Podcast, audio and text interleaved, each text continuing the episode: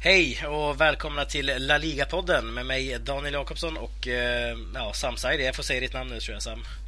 Jag satt och väntade på att jag skulle säga det, men visst. Ja, precis. Men du, du, du vill ju gärna ha den lilla övergången där att du ska säga ditt namn eller tvärtom att du lämnar över till mig. Men jag tycker att vi har inte tid med sånt Sam. Vi måste komma direkt på programmet någon gång. Tekniska bitar bara. Så att eh, jag håller med, jag håller med. Nästa gång så kör jag båda namnen också. Ja, ja precis. Om det blir du. Jag får se om jag släpper in det igen efter förra veckans eh, lilla nervositet du ändå bjöd på då i introduktionsmomentet. Saknar du programledarrollen? Nej, det gör jag ibland kanske, men det, det är kul ändå att rulla, rulla så här tycker jag. Det, vi, vi har fått bra respons, så det, det är väl bara att köra på. Ja, vi kör på och då tycker jag väl du kan köra vidare med veckans fråga. Ja, men absolut, det kan jag göra. Ehm, den här frågan har vi fått inskickad av signaturen Per till eh, laligapodden gmail.com som är vår eh, mailadress och dit får ni jättegärna skicka era frågor, ämnen och synpunkter och så vidare. Eller så kan man, vad då Sam? Skicka på vår Facebook va? Ja, eller skriva till oss på Facebook. Se, nu lämnar jag över till dig här. Ja, det, det, finns ju en sån här meddelandefunktion. Det blir ju som en chattruta faktiskt. Ja. Nästan chatta med oss live. Ja, men lite så. Vi har ju dessutom så 100% svarsfrekvens heter det. Vi svarar inom en timme. Eh, det är få företag, om man får kalla oss för ett företag som har det. Eh, så det, det är starkt ändå. Ja, det är starkt. Säga. Eh, mer credit till dig. Du brukar vara väldigt snabb. Jag vet inte, du kanske inte har något att göra på dagarna. Men... Nej, ja, just det. Ja, det är bra. Ja, det är bra. Men vi, vi kör frågan då som som sagt Per har skickat in. Eh, hans fråga lyder eh, Riskerar La Liga att tappa i status nu när den kinesiska ligan är på rejäl framfart? Eh, har de spanska lagen råd att tacka nej till deras pengar? Ja, det är nog kanske en fråga som kanske inte bara rör Spanien utan egentligen hela fotbolls-Europa skulle jag säga. Ja. Ehm, men eh, både och. Alltså det finns ju en slags, vad ska man säga, hegemoni där, där fotbolls-Europa är, längs, är hegemonen då och styr egentligen. Och det, det kanske inte egentligen är ekonomiskt nödvändigtvis. Det, eller det, det, vet vi att det inte det handlar om ekonomi. Det är, det är mer någon slags eh, historia eller kultur. Det anses vara finare att spela i de europeiska lagen. Man ser, inte att man ser ner på andra ligor, men det här är ju också ett sätt att eh, Alltså om man tänker efter, man, de som vinner Champions League eller eh, liksom de stora ligorna i Europa. Det, det blir nästan synonymt med de bästa spelarna och, och det är de bästa spelarna också. Mm. Men eh, jag tänker att rent statusmässigt så hänger det nog ihop mer med med historia och kultur. Men också tror jag inte fotbolls-Europa är redo att släppa in andra aktörer och mer. Nej. mer vad tror du? Nej, alltså eh, jag håller med. Alltså, jag menar, den europeiska fotbollen har ju fått någon slags monopol på de här stjärnorna. Alltså alla de här stora namnen som vi är vana med att se. Vi har ju Real Madrid, Barcelona. Alltså det, det skulle ju för oss som har vuxit upp med det här om eh, 60 år eller 50 år eller kanske 20 år eller 10 år för den delen så kanske de som växer upp och kollar på fotboll inte tänker som vi gör. Eh, då kanske det är helt naturligt att Gangso Evergrande är kanske en större klubb än Barcelona. Eh, för, för oss är det ju inte så. Eh, men det är bara att spola tillbaka 30 år när Nottingham Forest och Malmö FF slogs om de stora titlarna i Europa liksom. Absolut. Det, jag tänker, ja. om jag får avbryta, förlåt. Men jag tänker ändå att där kan det ju bli maktskifte mellan lag i Europa. Men jag är inte så säker på att Europa kommer släppa ifrån sig ledarrollen globalt. Det tror jag blir en svårare nöt att knäcka eh, av ja, förklarliga skäl. Absolut, absolut. Men det är bara att kolla på fotbollen har ju förändrats väldigt mycket. Som under Pelés dagar eh, så, så, var det Sydamerika någonstans centrum. Kanske inte för den globala fotbollen, för den hade ju inte blivit så omfattande som den vart från eh, Sky Sports tid på 90-talet och framåt. Men då, då, då, var det ju mer en tradition att man stannade i den ligan man spelade i och då var det ju en prestige att den ligan skulle utmana andra ligor därför det var ju liksom landslagen som spelade hemma eh, i sina nationer. Så att, men det, det, det är liksom, du, du, brukar ofta snacka om globaliseringen och det är väl det som händer här också. Vem vet vad som händer egentligen? Och jag tror, om vi ska svara på den andra frågan där, att eh, de spanska lagen... Vad sa du? Vad var den andra frågan nu? Ja, om de spanska lagen har råd att tacka nej till pengarna. Och just de spanska lagen tror jag inte har det. Alltså just specifikt, låt säga Deportivo La Coruña eller Alaves eller Sporting Gijon. Um, de har ju såklart inte, alltså skulle Lucas Perez bli erbjuden när han spelar Deportivo um, de summorna som vi nu hör om de kinesiska lagen, det är klart att Depor hade tackat ja alla dagar i veckan. Det ser man ju bara när de tackar ja till de här europeiska lagen, storlagen nu liksom. Nej, men det, jag kan bara fylla i att eh, det blir väldigt svårt, i synnerhet spanska lagen som drabbats hårdare av den ekonomiska krisen som var för eh, ja, från 2008. Då. Nu har det gått ett antal år. Men eh, mm. spanska lagen har, precis som du säger, inte råd att tacka nej till de här summorna. Däremot, och, när vi pratar om spanska lag, då pratar vi också om liksom, den säga, mänskliga lagen. Det är klart att Barcelona Real Madrid har råd att tappa, eller tacka nej. Ja, absolut. Eh, det har de. Men eh, den, den vanliga spanska klubben eh, inom cita, cita, citationstecken ja. har, har inte det. Nej, precis. Eh, det, det är frågan hur långt sitter de här kinesiska klubbarna också siktar. Alltså, jag menar, du kan hitta guldkorn nere i Segundan exempelvis. Men de kanske går mer på namnet som det verkar just nu i alla fall. Men det kanske vi återkommer till någon annan gång. Kanske i del tre när vi ska snacka lite silly season.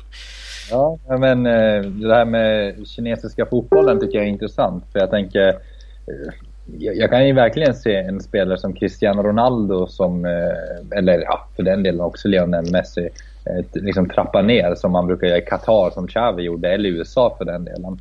Eh, men nu verkar det nästan bli att de här spelarna går tidigare än, än, än så. Ja. Och det är väl som är, är det nya, tycker ja. jag. Ja, absolut. Det, det är för oss kanske skrämmande, men å andra sidan det är ju roligt att fotbollen blir större och expanderar någonstans om vi inte ska vara så traditionella egentligen. Eh, men eh, vad säger du? Här? Ska vi gå vidare kanske lite grann? Vi har ju en eh, Copa del Rey som vi snackade lite grann om förra veckan ju. Ja, just det. Hur gick det nu igen? Ja, hur det gick? Ja, Celta slog ut Real Madrid. Det är väl den stora grejen. Det pratade vi om. Det var ju det var ju, de hade ju ett väldigt bra utgångsläge så att de levde väl upp till det helt enkelt. Ja, det var din analys av matchen? Ja. att Celta Vigo slog ut Real Madrid. Ja, nej men absolut. Ja. Alltså, det Guidetti ligger bakom första målet här också. Um, och uh, Celta hade egentligen, trots den här turbulensen liksom med Oriana som vi diskuterade förra veckan, så kommer man ju ändå igenom ett dubbelmöte med Real Madrid, vilket är oerhört imponerande kan jag tycka. Uh, och dessutom får de en hyfsad lätt lottning sett till de andra lagen i semifinal här nu. Ja, absolut. Och eh, det, det, här kan ju säkra liksom Europa till nästa säsong. För ta sig, nu fick man Deportivo Alaves om jag kommer ihåg rätt här. Mm, eh, och tar man sig igenom Deportivo Alaves då eh, har man ju med stor sannolikhet en Europa, Europacup-plats eftersom den andra semifinalen är ju Barca Atletico som kommer förmodligen spela Champions League båda två nästa säsong. Ja, precis. Atletico vet vi inte än, men eh, Barca men, kan vi ju säga i alla fall. Ja, men sen tänker jag, visst, visst blir det så att om Atletico nu hamnar på Europa League-plats så, så kommer ju ändå Celta på den. Svår fråga. Alltså, jag är inte helt hundra på det. Alltså, de gör ju om det där ganska ofta, säsong till säsong och liga per liga. Liksom.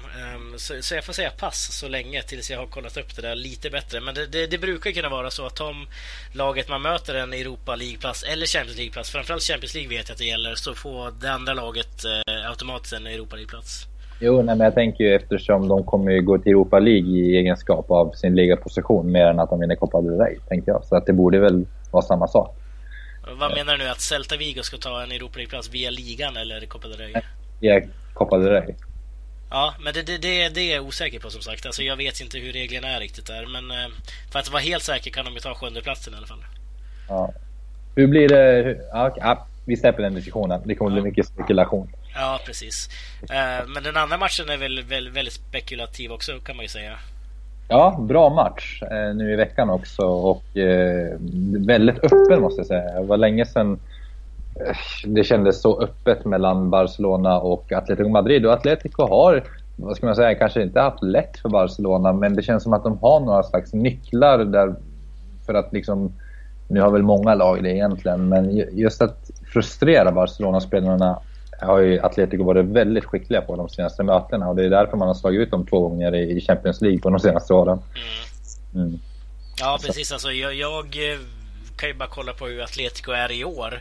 Eh, det kommer vi snacka om alldeles strax också, men eh, de är ju inte samma lag som de faktiskt var förra året eller förrförra eller förrförrförra. heller. Eh, utan det är ju ett Atletico som är ganska sargat, framförallt offensivt och de kommer behöva göra några mål för att kunna gå vidare från Barca två matcher. Eh, så jag tror att Barca möter Celta i den här finalen. Om jag ska vara, ska vara väldigt uppriktig och jag tror att Barca tar sig ganska bekvämt genom det här dubbelmötet mot Atletico. Ja, jag håller inte med att de kommer ta sig förbi bekvämt, men jag, jag också på känn att de kommer ta det. Men jag har inget belägg för det egentligen, utan jag, jag grundar också mer snarare på den här oförmågan hos Atletico att kunna göra mål. Eh, när Atletico verkligen var som vassast, vassast, då var de ju väldigt skickliga på att göra mål egentligen från ingenting, utan man tryckte verkligen ner motståndarna. Man har tappat det lite. Ja, ja det har de verkligen gjort. Eh, får se om de vänder det någon gång kanske. Eh, men eh, Rafa Marquez Sam? Ja, Rafa Marquez. Oj, eh, han har ju varit lite i blåsväder om man... Mm. Vad har vi på Rafa Marquez till att börja med? Rafa Marquez, först och främst så måste vi nästan hylla Rafa Marquez. Vilken nästan honom man växte upp med där i mittförsvaret med Puyol på riktigt. Där. Det var ju ett fantastiskt mittlås. Men han har ju uttalat sig lite här om Trump-skandalen och han har ju nästan blivit lite politisk vildet kan man säga, eller politiskt aktiv. Den här uh, Trump-eran om vi får säga så. Han har ju blivit frustrerad uh, hur Trump har uttryckt sig om mexikaner framför allt. Och det kan man väl förstå. Uh, tycker jag är värt att ta upp att den här gamla La Liga-legenden, om man får kalla honom för det. Eh, stå upp för mexikaner. Eh. Men alltså är han politiskt aktiv eller är det bara det att han har valt att höja sin röst när det gäller just det här? Nej, han är, jag tror inte han är politiskt aktiv men eh, han, har, han har höjt sin röst i alla fall och eh, vill liksom få bort. Och de här stereotyperna om mexikaner finns ju inte bara i, i USA utan det finns liksom liknande stereotyper i Spanien där man ser mexikaner som eh, ja, men, lata spelare. Och det här kan, det är intressant när, när man applicerar liksom i fotbollstermer och, och, och kollar när man sätter attribut och egenskaper på olika fotbollsspelare så kan också mexikaner få liknande attribut fast på fotbollsplanen. Mm. Ja, Dos Santos-bröderna drogs väl med det där ganska mycket, i alla fall Giovanni. Precis, att man inte tog jobbet. Mm. Så att, eh, jag tycker det är intressant hur man kan se sådana kopplingar från rasistiska stereotyper in, ända in till fotbollsplanen. Ja, det, det är så, vi ska ju inte bli för politiska här, men alltså det är klart att det, eh, det är kul, framförallt tycker jag, eh, att det här namnet dyker upp igen, alltså Rafa Marquez. Eh, jag kommer ihåg, när jag ser Marquez framför mig, då tänker jag hårband, mm. ganska bra högerfot, långt hår. Elegant. Glöm inte det. Elegant, ja, till viss del kanske. Han var ju elegantare än Pioli i alla fall, det kan vi ju säga. Ja, det var han. Pjol var inte så elegant, han var mer hjärta. Men eh, apropå Marquez så har han också uttalat, uttalat sig i samband med det här politiska uttalandet att han eh, ser en framtid i Barcelona faktiskt. Att han eh, saknar Barcelona och hoppas att en dag komma tillbaka och jobba inom klubben. Och det det vore en dröm för honom som han uttryckte det, men också för de, de flesta kulés tror jag där ute. Ja, men alltså, jag, jag, tror att Barca börjar samla in de här gamla legenderna som någon slags ambassadörer. Därför jag läste idag också att Ronaldinho skulle komma, komma tillbaka till klubben som någon slags ambassadör. Ja. Uh, så det, det, kanske är så att man försöker samla de här igen och någonstans liksom ansiktet utåt i exempelvis evenemang uh, man gör i, runt om i världen. Liksom. Så det, det, det är väl snyggt i sig kan jag tycka. Ja, verkligen. Alla väntar väl också på Chavis återkomst.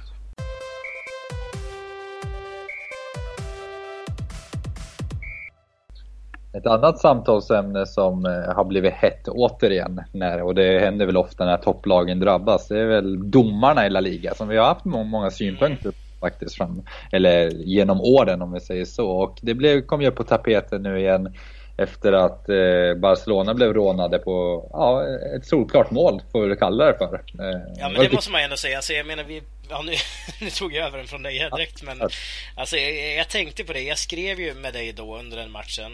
Um, så, som Barca hade nu i helgen borta mot eh, Betis. Eh, och jag tyckte ju bollen var överlägset över linjen. Alltså det, det var det första jag såg någonstans. Eller? Du, ja, du, du höll ju inte med mig riktigt där från nej, början. Det, jag kanske jag somnade till för jag tyckte inte det kändes lika självklart i realtid.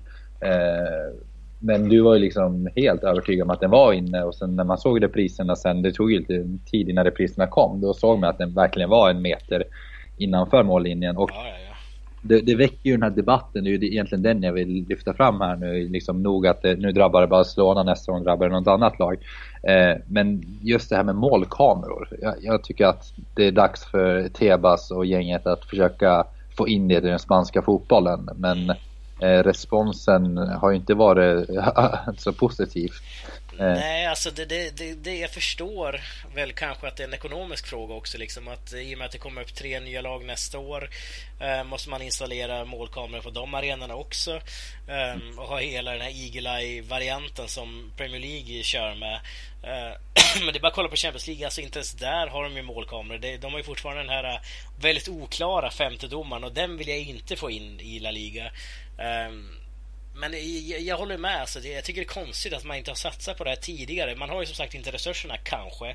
Men de mm. pengarna ska ju ändå kunna finnas i om inte annat skattar Real Madrid och Barcelona. Fan, låt dem betala skatt så vi får in de här kamerorna någon gång. Ja, precis. Alltså om de ändå får in så mycket tv-pengar om man inte ska ha en jämn, jämn fördelning. Då kan man väl i alla fall begära att de kan få finansiera en större del av, av att ligan ska få målkameror. Det tycker jag är rimligt faktiskt.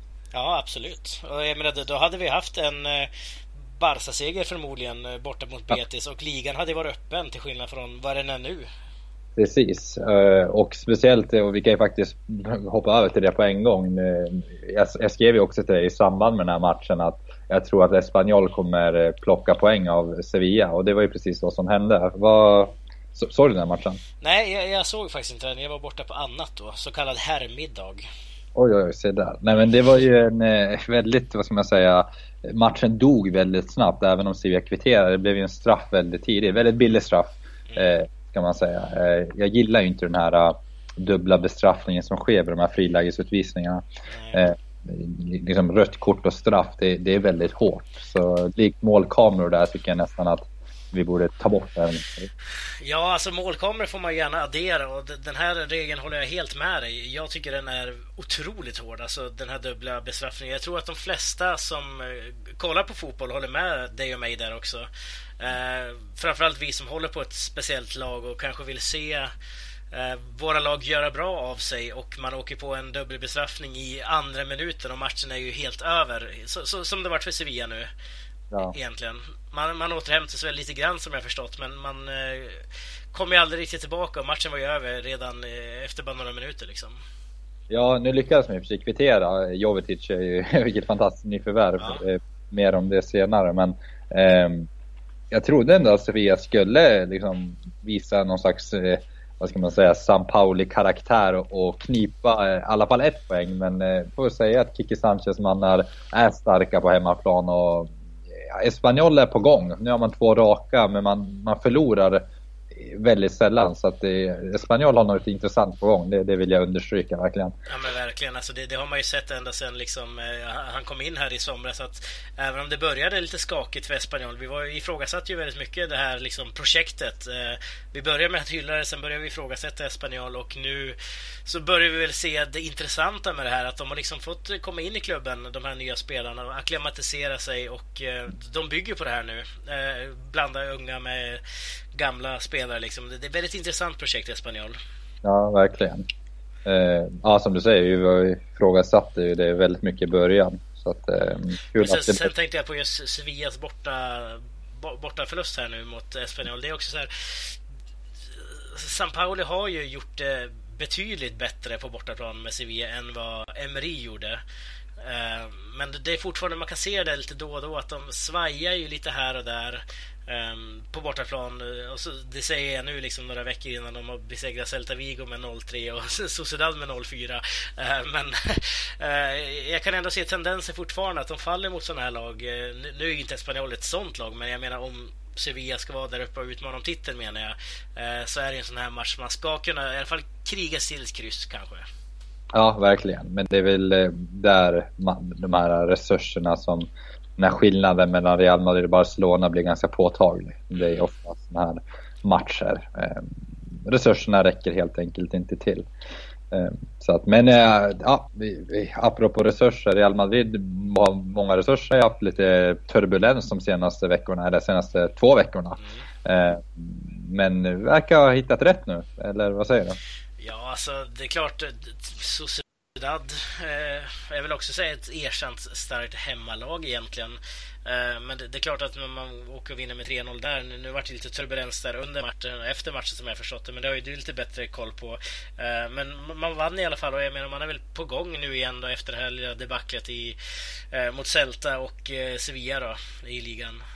Men det, det, det, ser ju ut som att de ska springa hem det här ändå, tror jag. Ja, det, det, blev ju lite liv i ligan efter att Sevilla slog Real Madrid där. Ehm, och det kändes lite som att men nu öppnar ligan upp sig. Men eh, nu känns det ju återigen att Real Madrid har ändå fyra poäng till godo med en match mindre. Så eh, vinner man den där hängmatchen då ska det mycket till att man tappar det här va. Eh, ja. Ja, absolut. Jag, jag håller väl med dig. Alltså det, det är klart att Bar Barca um, de har också de har varit svajiga hela säsongen kan jag tycka. Lite för många kryss dessutom. Mm. Uh, Sevilla, det, det, är lite upp och ner med dem. Ibland kan de vara fruktansvärt bra och egentligen bara köra över allt, om, allt och alla egentligen. Uh, men det, det, håller ju inte heller hela vägen och Atletico har ju den sämsta formen de någonsin haft under Diego Simeone. Eh, de riskerar till och med att tappa sin Champions League-plats här nu. Eh, så, Så jag tror att Real Madrid kommer vinna den här ligan med eh, 12 poäng. 12? Nej, nu stack du ut hakan. Mm, nej, men jag tror att de kommer gå rent nästan. Jag, alltså, jag är så imponerad av Real Madrid just nu. Uh, även fast de hade lilla dippen. Men det, det, där, det där som vi såg, de där tre veckorna eller två veckorna, eller vad, det var deras dipp, tänker jag, den här säsongen. Okej. Okay. Ja, jag, jag, skulle snarare säga, eller jag håller med, jag är också väldigt imponerad. Men det känns som att de inte riktigt har pikat heller. Uh, vi har ju inte kunnat sätta fingret på det här med Zidane och vad han har tillfört. Men vi får se. Det kanske är just den här stabiliteten som, ja nu blev det inte en liten dipp, men just den här stabiliteten.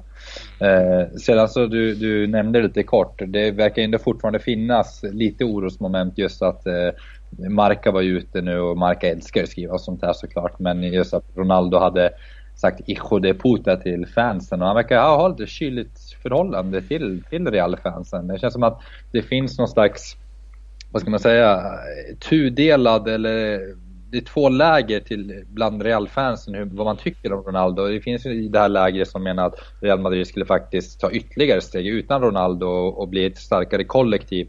Medan många visar, eller tycker att Ronaldo är, har en given plats i Real Madrid och att han är en stor del utav framgångarna, eller framgången speciellt i Europa. Alltså, ja, ja, precis. Alltså, det, jag tycker den här situationen i mångt och mycket påminner om eh, Ike Casillas när han lämnade Real Madrid. Eh, då, var det också, då delar man ju Bernabéu i två egentligen. Mm. Eh, de som stöttar honom är vått och torrt, även om de blir färre och färre i slutet. Eh, och så har vi de som helt plötsligt börjar bua ut sin kanske största ikon någonsin, i alla fall på målvaktssidan. Eh, och Ronaldo är väl egentligen kanske den största, eller i alla fall topp 10, topp 5 största spelaren Real Madrid någonsin har haft. Och nu börjar man vända sig mot honom också. Och det är ju så här, Real Madrid är ju faktiskt en klubb som som, det, det, är ju större klubb som eh, Barcelona och egentligen alla lag också. Om vi ser alla fotbollsklubbar är ju större än bara en spelare. Eh, så det är klart att om de känner att den här spelaren representerar inte mig längre eh, då kan man vända sig mot honom. Men däremot att han vänder sig mot sin egen publik det är inte lika vanligt tror jag. Nej, det gjorde ju faktiskt aldrig Casillas. Nej. Men där tror jag Ronaldo är en annan karaktär också. Han tar, inte, han tar inte vad som helst. Men då tror jag snarare man ska ifrågasätta karaktären hos Real Madrid-supportrarna. Den skadan som kan verkligen vända eh, kappan efter vinden lite. Och, och sådana tendenser finns ju även i, för att liksom ställa den andra storklubben mot dem i, i Barcelona finns också. Men inte på samma sätt ändå. Där publiken skulle ju liksom aldrig få för sig att börja bua ut en en legendar eller Messi för den delen oavsett hur katastrof han må än vara. Men å andra sidan kanske inte Messi hade ropat i de puta till sina fans heller. Um... Nej, alltså jag, jag, förstår vad du menar, men samtidigt så återigen, alltså det, det, är ju en fotbollsklubb som går före Ronaldo. Alltså Ronaldo får vara den största legenden de någonsin har haft, men om de känner att den här spelaren är inte Real Madrid längre. Eh, Okej, okay, det, det, är klart att man inte ska bygga ut en sån stor ikon. Eh, nu vet jag inte om man gjorde det heller riktigt, men eh, att i det här fallet så är det ju snarare tvärtom som jag förstått det. Att det är han som har vänt sig mot publiken och publiken i sin, sin tur har vänt sig mot honom någonstans. Ja, inte Eller har jag fel där? Nej, jag kommer inte ihåg exakt hur det var. Men eh, alla, jag, jag håller ju med, med dig däremot att klubben går före en enskild spelare. Sedan så skulle jag nog inta den här positionen också att Real Madrid kanske faktiskt skulle utvecklas mycket mer utan Ronaldo som lag. Det tror jag faktiskt. Och jag tror att det finns många spelare som hämmas av av Ronaldo, eh, Ronaldos närvaro som inte kan ta ytterligare steg. Ronaldo bidrar ju inte så mycket i spelet men det går ändå inte att blunda för den fantastiska målproduktionen han har. Och nu eh, för första gången på länge skulle jag säga så bidrog han ju faktiskt till en väldigt fin assist och han var faktiskt eh, den här matchen mot Sociedad den här, den här helgen var han faktiskt väldigt delaktig i spelet. Försökte utmana, det var lite av den här gamla Ronaldo men ja, annars är han inte så delaktig. Nej, men det, det, det är frågan vem ska ta över hans 13 ligamål på 15 matcher liksom. Eh, det, det, finns såklart potential i Real Madrid. Det vore tjänstefel att säga annat, men det finns ju inte den målskytten. Benzema har ju inte imponerat. Morata har väl egentligen inte heller imponerat. Mm. Bale har ju varit skadad ganska mycket sådär, så jag vet inte. Jag tycker man fortfarande balanserar väldigt mycket kring Ronaldo. Eh, sen om han lämnar, då måste liksom nästa spelare kliva fram. Det kanske är som du säger då att eh, de får utvecklas mer, men det, det, är svårt att säga just nu med tanke på hur viktig han är ändå. Ja, det kan man inte komma ifrån. Ja, det blir, blir en följetong att se hur den relationen artar sig.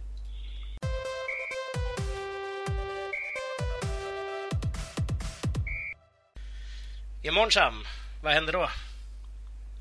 Ja, då stänger ju transferfönstret va? Ja, precis. Eller ja, ikväll blir det ju när det här eh, eh, avsnittet spelas in i alla fall. Då är det ju, alltså, så, som du säger, transferfönstret stängs ju. Eh, för den här gången öppnar igen en, i vinter då. Um, var det ganska aktivt måste jag säga ändå? Ja, alltså relativt ändå. Alltså, jag menar, det kan ju aldrig bli lika aktivt som Eh, Premier Leagues är. Eh, vi, vi jämför ju ofta med Premier League eh, av naturliga skäl egentligen också.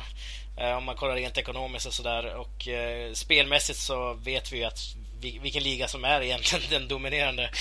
Så det behöver inte göra. Men just ekonomiskt så jämför man väl ofta. Och det, det börjar bli mer övergångar i La Liga som faktiskt kostar pengar också. Mm, verkligen. Förut så var det mycket, många spelare som gick för free transfers och lån och så vidare. Men nu börjar vi få in eh, några spelare som kostar i alla fall. Som, eh, ja, i alla fall större namn kan vi också säga. Som Adrian Lopez. Eh, han är ju på lån då. Bara för att jag säger att det inte är så många lånspelare. Men eh, det är ju ändå en bra värvning av Villarreal som har plockat in honom. Ja, verkligen. Det är ju, jag höll på att säga din spelare men det är nästan mest jag som, som mm. brukar prata om honom. Jag var ju väldigt förtjust i honom i, när han var i Atletic och tyckte han var en väldigt bra rotationsspelare och gjorde aldrig bort sig utan eh, var den spelare som kanske aldrig fick det här hundraprocentiga förtroende men var väldigt liksom jobbig att möta och hade kvaliteter och liksom klev fram. Han var ju mest så här rotation under Diego Costa-tiden. Eh, men även i det... Mycket. Han springer väldigt mycket. Väldigt så här, uh, en bra, jag tror han är väldigt härlig att ha i laget. Jag tror han är en väldigt god lagspelare. Men han var väl också ganska skicklig i Depor har jag för mig. Ja, alltså det, till att börja med om vi stannar kvar vid Atletico-spåret där så var han ju egentligen klippt, eh, alltså klippt som skur, vad säger man? eh, alltså han passade ju väldigt bra in i eh, Diego Simeones eh, spelsystem. Eh, springer mycket, jobbar väldigt energiskt och har en arbetskapacitet som eh, få förunnats där uppe i alla fall. Och kan ju spela på en kant också om det ska vilja sig. Eh, men ja, han, han var ju deppor också. Uh, och, och, även där var han ju rotationsspelare, vilket är lite intressant. Uh, då bakom Ricky och Lassad oftast. Lassad vet jag inte vart han är och Ricky har väl lagt skorna på hyllan vid det här laget. Hade en kortare session i Granada, har jag för mig. Uh, men Adrian tror jag att han kommer ju inte bli någonting annat i Villarreal heller än en rotationsspelare. Så jag tror han, han är född till det tror jag. Ja, men alltså, han har ju ganska tuff konkurrens även i Villarreal. Alltså, även om man vill vara en släpande anfallare så får han ju tuff konkurrens. Men även som, som gör anfallare framförallt kanske. Eh, tänkte med Sansone och Bakambo så där. När Bakambo är i form så är han otroligt bra. I, ja. ja. Nej, det blir... Ja, vi, vi förpass. Oh, nu fick jag säga... Ah! Ja, jag hörde det. Det är okej. Okay. Ja, målbrottet mitt i podden. Ja, men han, han, fick ju hoppa in i alla fall kan vi ju säga senast. Eh, han fick ju debutera mot Granada i 2-0-segern där. Ja, fast jag tror han kommer, hur som helst kommer han precis som du säger, få ja, bli den här rotationsspelaren igen. Mm. Eh, däremot en som inte kommer bli rotationsspelare och jag, liksom ett nyförvärv om man får kalla det det, är också ett lån i och för sig. Det är ju Adrian Ramos från Dortmund som Granada har tagit in. Den tycker jag är väldigt intressant. Mm. Eller, Absolut, vi snackade lite grann om honom ehm, förra veckan också, jättekort. Uh, att han liksom, han är ju såld nu. Han har ju varit liksom den ständiga backupen där i Dortmund bakom Aubameyang. Aubameyang, vad säger man? uh, ja. Men uh, har ju nu sålts till Kina då. och den här kinesiska klubben som jag tappar bort namnet, jag kunde den väldigt bra förra veckan, har ju lånat ut honom i sin tur till Granada. och det är ju såklart en klassvärvning ändå. Ja, alltså, I Granada mått mätt verkligen Adrian Ramos i sina bästa dagar är ju en klassforward och precis som du säger i, i Granada och mätt så är det här helt eh, en superb eh, värvning och jag tror, eh, jag tror att det här är precis vad Granada behöver. Granada behöver en målskytt som kan leverera liksom kontinuerligt och får man igång Lopez då, nej vad säger jag, Ramos, då tror jag att det kan bli väldigt bra det här. Ja verkligen, alltså han fick ju också starta här mot Villarreal Adrian Lopez fick hoppa in mot Granada och Ramos fick starta mot Villarreal eh, som ensam anfallare, spela 90 minuter, nummer sju. Han får, han får ju direkt det här förtroendet av Lucas Alcaraz som eh, han kanske har sökt väldigt länge ändå. Um, och det tror jag stärker honom och även Granada i slutändan. Sen om det räcker till att de håller sig kvar, det är ju en helt annan fråga. Ja, det, vi får avvakta och se helt enkelt. Men eh, en bra värvning får man väl absolut säga. Um, och det tycker jag även att, eh, om vi ska fortsätta med lånen här då, Halilovic, Sam. Ja, eh, bra också. Bekant med spanska fotbollen, var i Ham eh, Hamburg va? Kommer eh, där. Ja, precis. Till eh, Las Palmas. Ja, precis. Eh, Las Palmas tror jag kommer bli en jättebra miljö för honom. Las Palmas har ju lyckats väcka liv i gamla legendarer som Kevin Prince Boateng. Nu är inte Halilovic en gammal legendar utan han ska ju ha framtiden mm. framför sig. Men i sina bästa, han är ju en talang fortfarande. Han är en stor talang som i sina bästa stunder är väldigt duktig och han passar bra i den spanska fotbollen. Ja. Eh, så att jag, jag tyckte han gjorde det helt okej okay. i Sporting Gijon. Eh, fick ju aldrig chansen i Barca, han var för ung men helt okej. Okay. Eh, alltså, jag, jag tycker de har så otroligt intressant lag på gången då, Las Palmas. Om, de får, om Halilovic gör det bra här nu. Alltså jag tänker man har ju Kevin Boateng, man har ju Jonathan Vera och så vidare. Um, alltså, och de, dessutom så har de ju en ny kille på gång, tänkte jag säga. Han är ju från uh, Kanarieöarna, Jesse Rodriguez, uh, Madrid-spelaren där. Ja, just det. Ja, precis. Han vill ju bort från PSG och det är många Premier League-klubbar som har dragit i Jesse. Men vad det verkar, i alla fall enligt ryktena, så är det ju Las Palmas som ligger närmast till hans. För det är dit han vill. Han vill liksom hem till eh, sin ögrupp som han är ifrån. Och det hade också varit en fantastisk värvning om den hinner gå igenom innan eh, klockan 24.00 under tisdagen. Mm, det är nog ganska stor sannolikhet att den kan gå igenom också. Just att det finns en, att spela en, en pådrivande kraft i det här. Så varför inte? Vad, vad, vad, tror du om den? Alltså det, det blir ändå ett väldigt starkt mittfält om inte annat. Alltså, Vera kan ju förvisso vara släpande anfallare men sen har du ju då alltså Boateng som också kan vara släpande anfallare. Halilovic kan ju också vara ganska offensiv. Eh, och så kommer Jesse in som någonstans också kan vara en anfallare.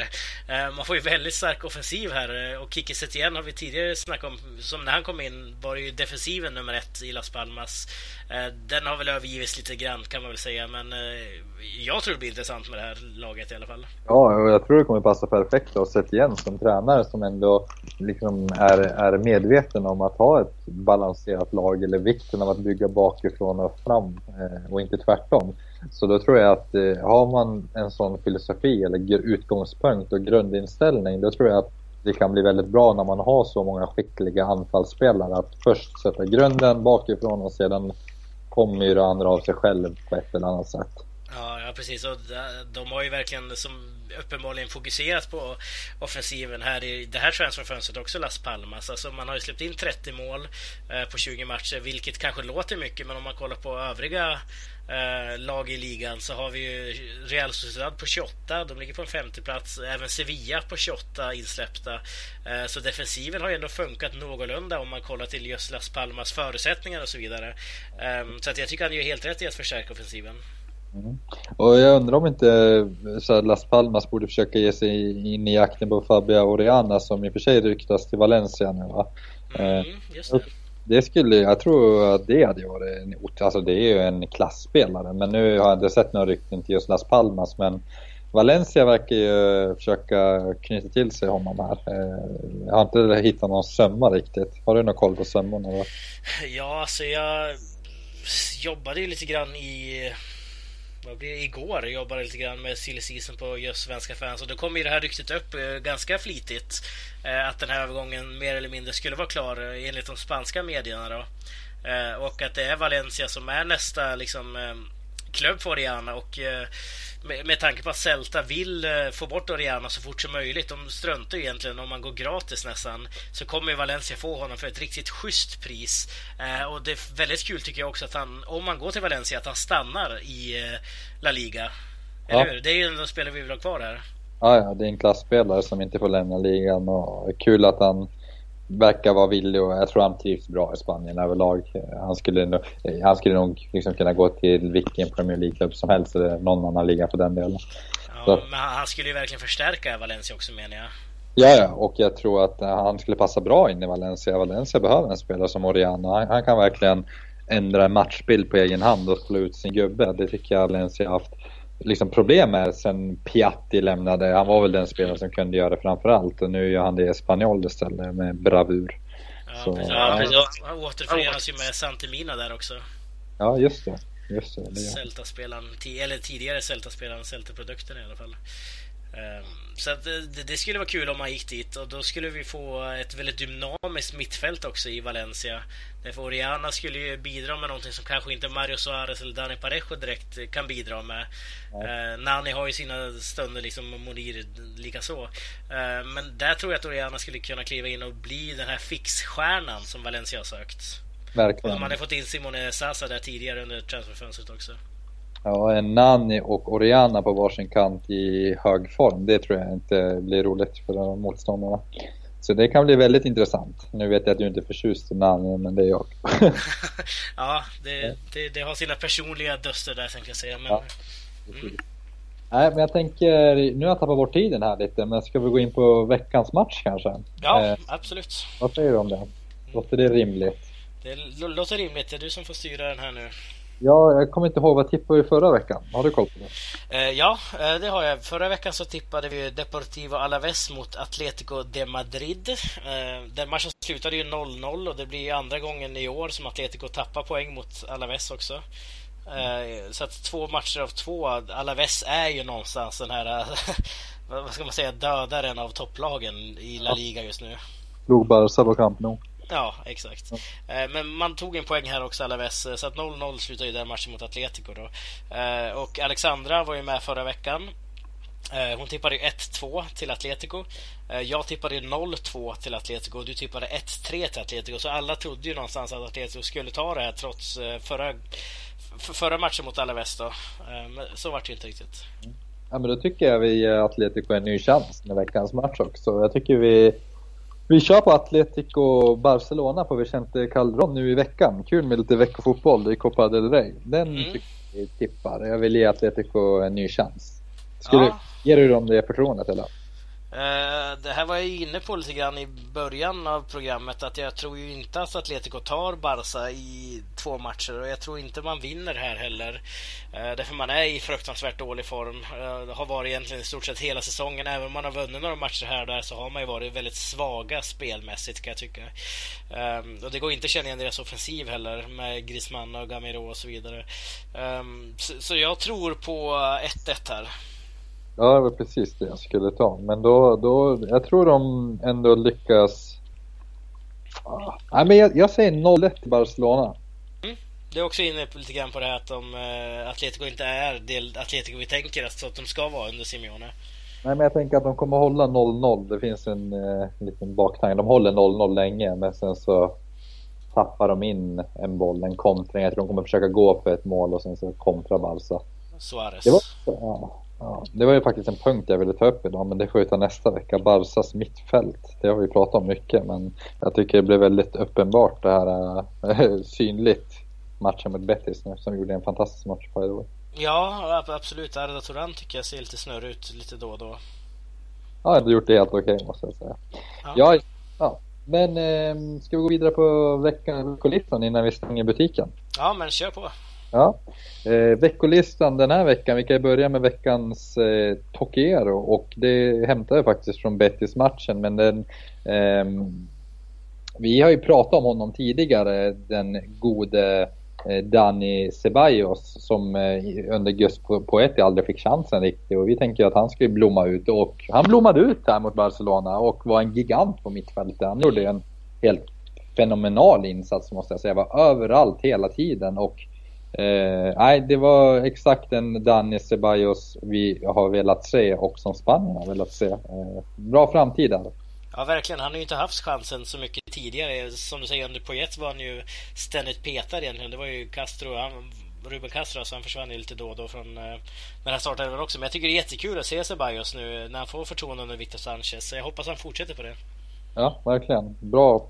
Så veckan, han får veckans Torquero. Och veckans Faber skickar jag nog till den spanska, vad ska man säga, till Tebas och company som är så antagonistiska och så, vad ska man säga, de är så negativt inställda till det här med målkameror. Jag vet att det är en ekonomisk fråga men jag tycker ändå det borde finnas något slags här, ja, slags ambition på att det måste komma in till La Liga. För det är ändå framtiden. Det behövs. Det kan vi inte komma ifrån. Ja, verkligen. Det, det, det, måste kunna finnas ekonomiska muskler för det också kan jag tänka mig. Eh, dra ner lite grann på de här eh, miljonerna till Real Madrid och Barca så lovar jag dig att de kommer få in de här kamerorna. Precis. Det, det hoppas vi på, men det kommer inte hända. Mm. Inte genom den vägen. Nej, nej precis. Men eh, ja, men vi kanske ska börja runda av här då. Ja, det var mm, trevligt att prata med dig Daniel. Lite spansk fotboll. Ja, det, det var ju inte första gången vi gjorde det, men inte heller den sista så att säga. Men eh, vi är tillbaka nästa vecka i alla fall. Eh, och som sagt, vill ni vara med och påverka podden så skicka jättegärna in era mejl till eh, laligapodden.com eller Facebook-sidan. Oj, oj, oj. Där ja, satt. Där det. det var snyggt. Det var väldigt snyggt. Eh, och som sagt, skriv eh, era ämnen, frågor, synpunkter eller om ni vill vara med i programmet för den delen. Det är vi väldigt välkomnande, ska ni veta. Vi kanske inte låter som det är men det är vi. Ja, verkligen. Vi är väldigt open-minded. Ja, härligt. Men eh, vi säger så. Hej då! Hej då!